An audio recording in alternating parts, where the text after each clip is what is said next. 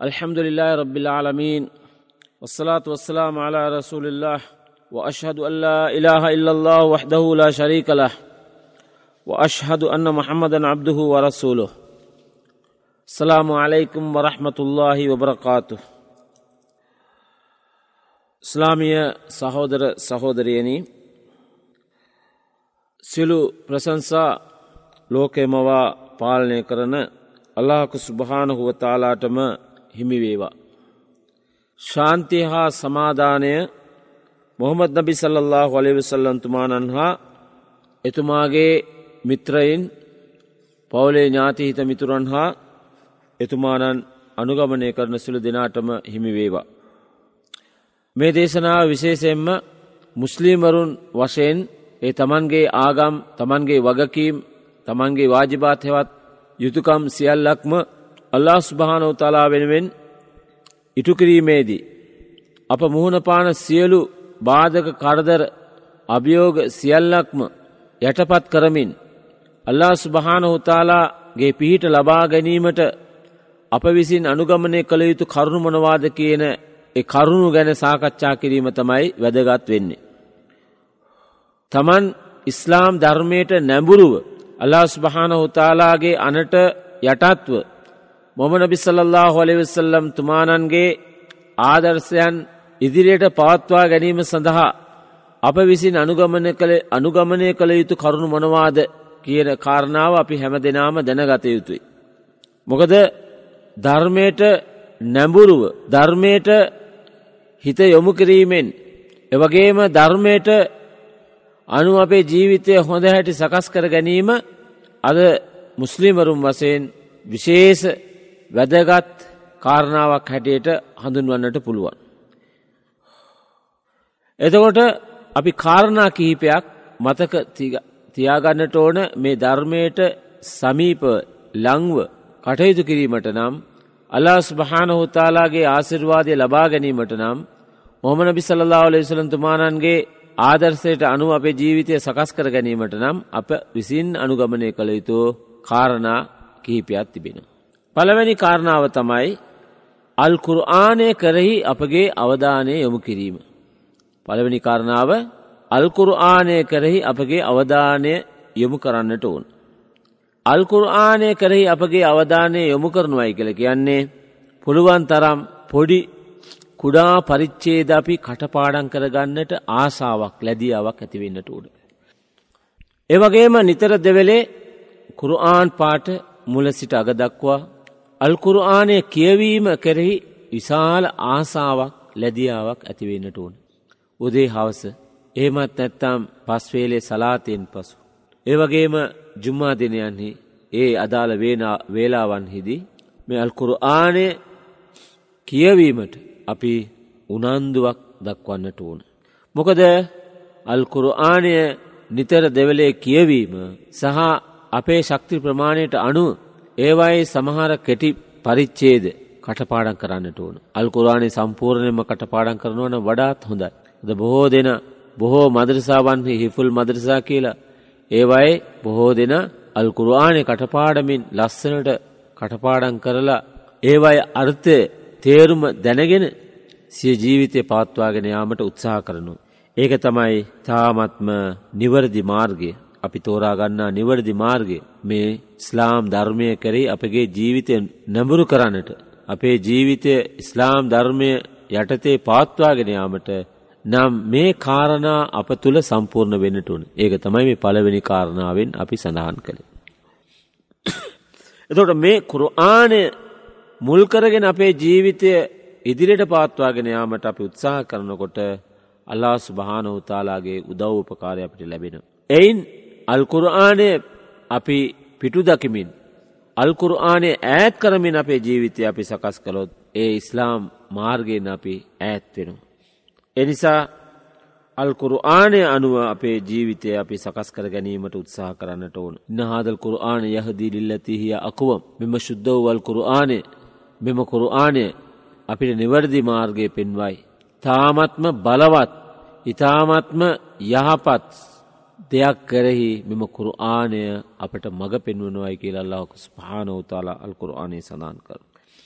එනිසා අල්කුරආනීය ජීවිතයක් ගතකිරීමට නම් මේ කුරුආනය කරේ අපිට ආසාාවක් ලැදියාවක් ආදරයක් ඇතිවෙන්නට ඕන්. අල්කුරු ආනය කරෙහි විශාල ලැදියාවක් හැකියාවක් ඇතිවෙන්නට ඕන්.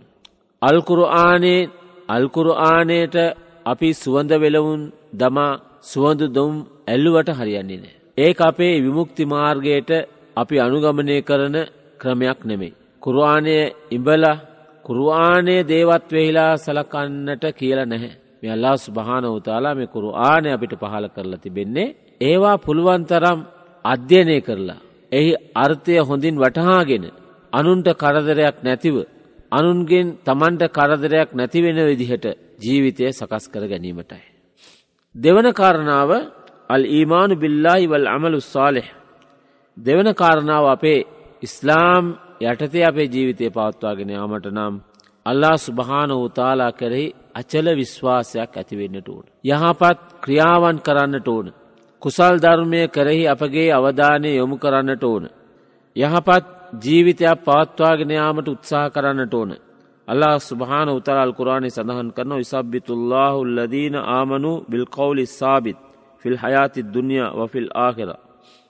අල්ලා ස්භාන උතාලා මේ ඉස්ලාම් පිළිබඳ සත්‍යය ප්‍රකාශ කරන අය මෙලව ජීවිතයේදී සත්‍ය ප්‍රකාශය කරන යහපත් වචන කතා කරන ඊමාන් විශ්වාසවන්තීන්ව ඒ ඉස්ලාම් අල්ලා සුභානෝතාලාගේ මාර්ගයේ ඔහු තහවුරු කරනුවයි කියලා.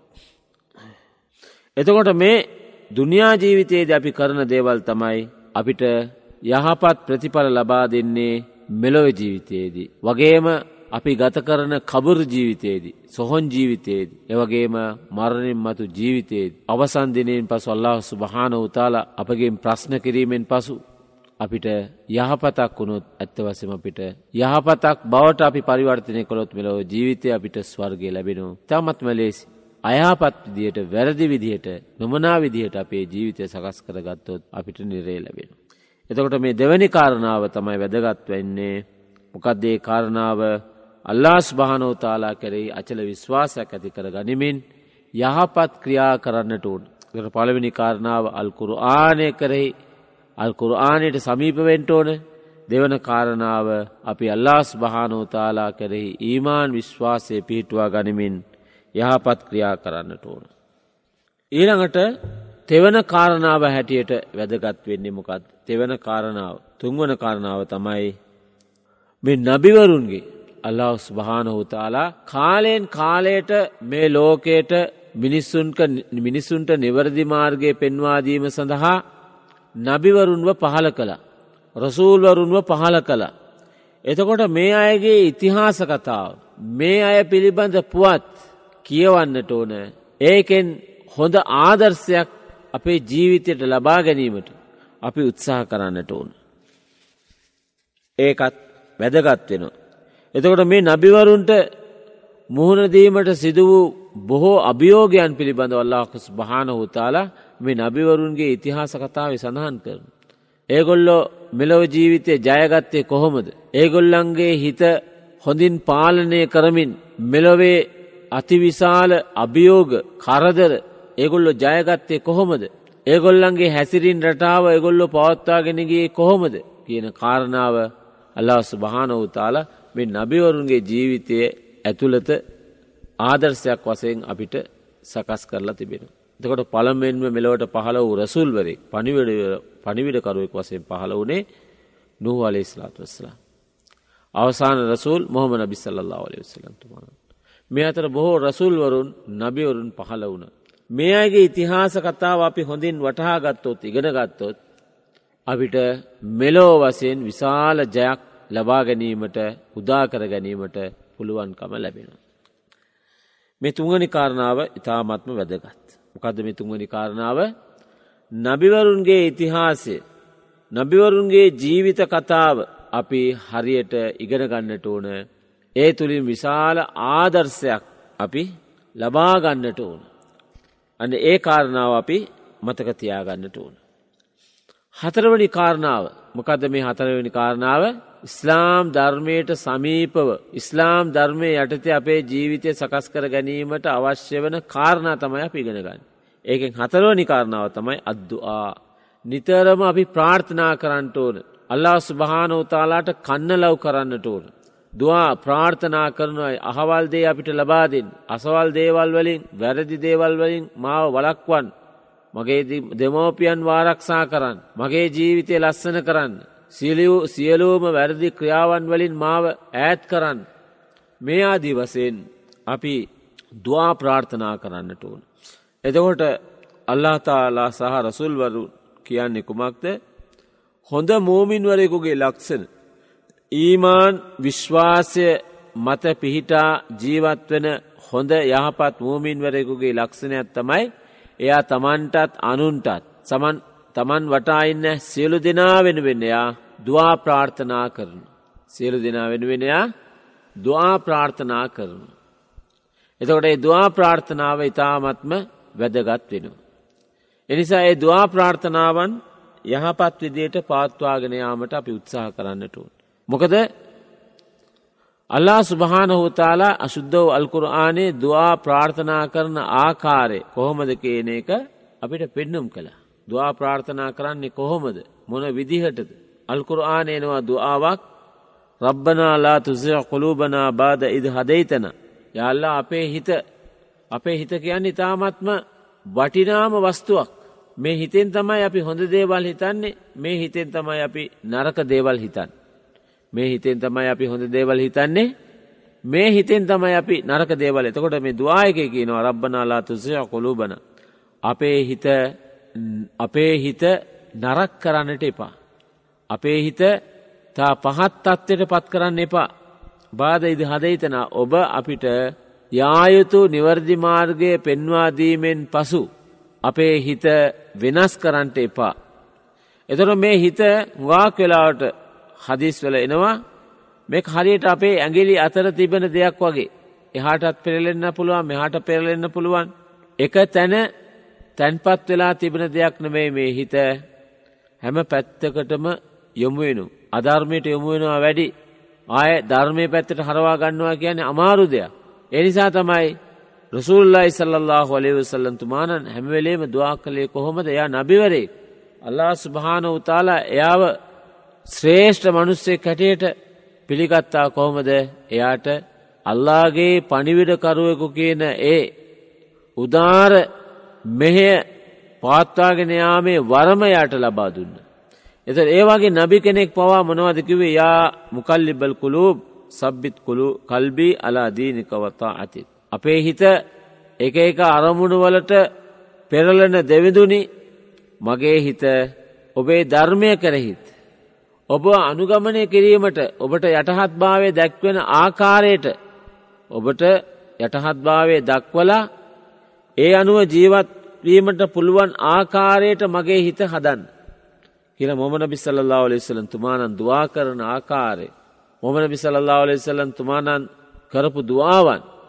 අපිත් ඒ විදියටම ඉගෙන ගත්ත නම් ඒක ඉතාමත්ම බලවත් ප්‍රාර්ථනාවක් බවට පත්වෙන. ඊළඟට පස්වන කාරණාව පස්වන කාරණාව මොකදද අල්ලා සුභාන උතාලාව සිහිකිරීම. අල්ලා සුභාන උතාලා අපි සිහි කරන්නට ඕනු. නිතර මතක් කරන්නට ඕන. ඒකට තමයි දිකර කළ කියන්නේ අල්ලා තාලාව සිහිකිරීම. අල්ලා සුභානව තලාව නිතර දෙවලේ හැමවෙලේම ගමම්බිම යනකොට ගෙදර එනකොට ගෙදරින් පිටත් වෙනකොට කෑම කනකොට නානකොට මේ හැම අවස්ථාවක දීම අපි අල්ලාක සුභාන හුවතාලා සිහිපත් කරනවා නම් අපේ ජීවිතය කවදාක්වත් වෙනස් වෙන්නේ නෑ. යායුවල්ලදී නාමනු ඒ කුරවාන ආයතේම යායුවල්ලදීන ආමනු ඉද ලකීතුම් ෆියතන් ෆස්බුතු වදකුරුල්له කතීරන්ල අල්ලකුම් තුෆලිහූන් ඔබලා එක එක කණ්ඩායම හමුණුවත් ඒගොල්ලන්ටත් මතක් කිරීමක් කරලා ඒ අදහස තමයි කියන මතක් කිරීමක් කරලා අල්ලා සුභානෝතලා මතක් අල්ලා සුභානෝතාලාව මතක් කරන්න වැඩි වැඩියෙන් මතක් කරන්න අල්ලකුම් තුෆලිහූන් ඕගොල්ලෝ ජයග්‍රහණය කරනවාට කිසිම සැකයක් නැත කියලා. මේක ඉතාමත්ම වැදගත්. එමොකද අල්ලාක් සුභානහු තාලාව මතක් කරනවායි කියල කියන්නේ අල්ලා ස්භානෝ තලාව අපි සිහි කරනවායි කියල කියන්නේ අපි අල්ලා ස්භානෝ තලාට ඉතාමත්ම සමීප වෙන පිරිසක් බවට පතෙනවා කියන අර්ථයයි. අලා බිදිකරල්ලා හිතතුම ඉන්නල් කුලූබ් අල්ලා ස්භානෝතාලාව අපි නිතර දෙවලේ සිහිකිරීම තුළින් අපේ හිතට විශාල සහනයක් ලබාගන්නට පුළුවන්. හයවනි කාරණාව තමයි ඉස්ලාම් ධර්මය කෙරෙහි ඉස්ලාම් ධර්මයට ලැදිව ජීවත්වීමට අපිට තිබෙන තවත් හොඳ ගුණාන්ගයක් තමයි තිබිය යුතු ගුණාන්ගයක් තමයි අද්දාවා ඉලල්له. මේක රසුල්වරුන් කරපු දේවල්. අල්ලා ස්භානෝතාලාගේ ධර්මය කරේ අනුන්ට ආරාධනා කරන එක. නොමග යන අයව සලා නොකර සිටින මුස්ලිම්වරුන්ව ස්ලාම් ධර්මය පිළිබඳ අවබෝධයක් නැති අයව ඒ පැත්තට යොමු කරන්නට ඕන්. මේකත් වැදගත් කාරණාව. ඒ පස්වැනි කාරණාව. ඊළඟට හත්වනි කාරණාව තමයි හොඳ ගුණාංගවලින් යුක්ත වූ මිනිසුන්ව අපි ආශ්‍රය කරන එක. හොඳ ගුණාන්ගෙන් යුක්ත වූ පිරිසක් අපි ආශ්‍රය කරන්න ඕන. දැනුම ඇති උගත් අයව අපි ආශ්‍රය කරන්නට ඕන. හොඳ විශ්වාසවන්තයෙන් ආශ්‍රය කරන්න ඒගොල්ලොත් සමඟ එකට එකතු වෙලා වාඩි වෙලා සාකච්ඡා කරන්න ඕන. සුහදව අපි නොදන්නා දේවල් ඉගෙන ගණ්ඩෝන. මේක ඉතාමත් වැදගත් වෙනවා අපේ ජීවිතය හොඳ හැටි සකස් කර ගැනීමට. ඉතාමත්ම වැදගත් වෙන කාරණාව. හත්වනි කාරණාව. ඊළඟට අටවනි කාරණාව අපේ හිතේ ඇතිවෙන්නට ඕන විශාල ඊමාන් විශ්වාසයක් අපි යහපතක් කළොත් අල්ලා ස්භානෝතාලාගෙන් අපට ජයග්‍රහණය ලැබෙනවා ලැබෙනවාමයි කියල. ජයග්‍රහණි ලැබෙන වල්ලා ස්භාන උතාලාගෙන් කියන ඒ අචල විශ්වාසය අපේ හිත ඇතුළ තියෙන්ටු. එහෙම විශාල අචල විශ්වාසයක් තිබුණොත් තමයි අපිට ශක්තිමත් විදිහට අපේ හිත ධෛර්යමත් කරමින් සුළුසුළු දේවල් වලදී හැලෙන් නැතුව වැටෙන් නැතුව අපේ දුක පවා ශක්තියක් කරමින් අපේ දුක පවා ශක්තියක් කරමින් අපිට ඉදිරියට යන්න පුළුවන්කම ලැබෙන්නේ අල්ලාස් භානෝතාලාට යටහත් භාවය දැක්වීමෙන් අපිට විශාල ජයග්‍රහණයක් ලැබෙනවාය කියන ඒ ශක්තිය ඒ විශ්වාසය අපේ සිස්සතන් තුළ ඇති කරගන්නට. ඊළඟට ඒ අටවනි කාරණාව. නමවනි කාරණාවත් ඉතාමත්ම වැදගත් කාරණාවක් නමේ නවනි කාරණාව මොකක්ද. නවනි කාරණාව තමයි මේ හැම දෙයක්ම අපිට ලබාගන්නට පුළුවන් වෙන්නේ දැ ඔය ඉහත කරපු කාරණාවන්. කියාපු කාරණාවල් අපේ ජීවිතයට ලංකර ගැනීමට පුළුවන්කම ලැබෙන්නේ අප තුළ විශේෂ ගුණාංගයක් තිබුණොත් පමණයි. ඒ මොකක්දේ විශේෂ ගුණාංගය ඉවසීම ඉවසන්ටෝන. අපි හිතන දේවල් නෙවෙයි සිදුවෙන්. අපි පතන දේවල් නෙවෙයි බොහෝ වෙලාවට අපේ ජීවිතයේ සිදුවෙන්. උගාක් වෙලාවට අපි නොහිතපු දේවල් තමයි සිදුවෙන්. හිතපු දේවල් සිදුවෙන්නේ නෑ නොහිතපු දේවල් තමයි සිදුවෙන්නේ මොකද මේ හැම දෙයක්ම අල්ලා ස්භානුතාලාගෙන් සිදුවන නිසා. එනිසා මේ හැම අවස්ථාවකදීම අපි බලාපොරොත්තු වුණා ලාභයක් අලාභයක් සිදුවනා මෙතනදී අපි ගැටෙනවාද සියදිවි නසාගන්නවාද නැහැ. මෙතනදී අපිට අවශ්‍ය වෙන්නේ ඉවසීමේ ගුණාන්ගේ තමයි මෙතරදී අපිට ඉතාමත්ම වැදගත්වෙන්. ඒ ගුණාන්ගය නැත්නම් ජීවිතය සකස් කරගන්නට අමාරුයි. එතකොට මේකත් හොඳ කාරණාව. යායවල්ලදී නාමනු ස්තයිනූ බිස්සබ්‍රි වස්සලාති අල්ලා ස්භානොතල අප ඉල්ලන්නේ කොහොමද. අල්ලා තාලාගේ නිකන්දවා ප්‍රාර්ථනා කරන්නට පුළුවන් කමක් නෑ. ඒක ජයග්‍රහණයට මාර්ගයක් නෙවෙයි. යයොල්ල දිනාවනු ස්තයිනු බිස්සබරි අල්ලා තාලාගේ උදවවිල්ලන්ට ඕන බිස්සබරි ඉවසීමෙන්. වස්සලාත් අල්ලා තාලට සලාත් කිරීමෙන්. ඉන්නල්ලාහම අස්සාබිරීන්. අල්ලා ස්භානව තල කියනවා. අල්ලාස් භානව තාල කායක්ක දෙන්නේ තාමත්ම ඉවසිලිවන්ත ලෙස ජීවිතය පවත්වාගෙන යන අය සමඟ තමයි අල්ලාස් භානව තාලයින්නේ. තොට මේක ඉතාමත්ම වැදගත් කාරණාවක් මොකදේ කාරණාව ඉවසීම කියන ගුණාන්ගේ. දහවනි එක තමයි අත්ත අම්මුලුපී නයිමිල් ජන්න වදා බින්නාර්. හැමවෙලේම අපේ හිතේ ආසාාවක් ලැදියාවක් ඇතිවෙන්නට ඕන. අපිට මේ ස්වර්ග ලැබෙන්න්නට ඕන මේ නිරේ වේදනාවන් වලින් අපි ආරක්ෂාව ලබා ගන්නට ඕනයි කියන කාරණා. එනිසා තමයි අල්ලා ස්භානෝ තල කියන්නේ වසාරයෝ ඉලා මාගෆිරතින් මෙරබ්බිකොම් වජන්නතින් අර්දුහ සමාවාත් වල්ලර් ඔයිද්දතුල් මුත්තකීන්. ඔගොල්ල නිතර අල්ලා ස්භානො තලස් දීකර කරන්න කියල කිවීමකක්ද අස්ථාපුරල්ලා කියැනෙ අල්ලාගේ අපි සමාව අයිද සිටිනවා අපේ ජීවිත සිදුව වැරදි සඳහා. අල්ලා ස්භානෝ තලාව මතක් කරන සුභානල්ලා කියල අල්ලාහු අක්බර අල්ලා ශ්‍රේෂ්ඨයි කියලා. අල්හම්දිල්ලා සියලු ප්‍රසංසා අල්ලා ස්භානු තලට හිමිවේවා කියලා. එතකොට ඔබලා අල්ලා ස්භානෝ තාලාගෙන් වැඩදි සඳහා සමාව අයදීමට ඉදිරිපත්වෙන්. තකොට මේ තුළින් අපිට මොකක්ද අපි නොසිතපු විශාල ජයග්‍රහණයක් ස්වර්ගයක් වගේ දේවල් වගේ දේවල් අපිට අල්ලා ස්භාන උතාලාගෙන් ලැබෙන. එතකොට මේ ස්වර්ගය ලබා ගැනීම තමයි වැදගත්වෙන්ඩුවන අපේ ජීවිතය ඉලක්කේ. අපේ ජීවිත ඉලක්කය මොකක්ද ස්වර්ගය ලබා ගැනීම. කුල්ලු නෆ්සින්දා එකතු මවුත් හැම ජීවයක්ම හැම ජීවිතයක්ම මරණයට පත්වෙනවා.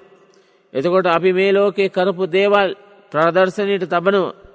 එතකොට මේවා අල්ලා ස්භානෝත්තලට ඉදිරිපත් කරලා අපි හොඳ වුණොත් මොකද වෙන්නේ අපිට කෙලින්ම ස්වර්ග ලැබෙනවා. එතකොට මෙලොව ජීවිතය කියන්නේ ඉතාමත්ම අල්ප දෙයක් මෙලොව ජීවිතය කියල කියන්නේ ඉතාමත්ම අල්ප දෙයක් සාමාන්‍ය දෙයක් ඒක මහා ලොකෝට අපි හිතට ගණ්ඩ නරකයි. එහෙම උනෝතින් අපිට අල්ලාස් භාන උතාලාගේ නියම නිවරදි මාර්ග ලබා ගන්නට පුළුවන්කමක් ලැබෙන්නේ නෑ.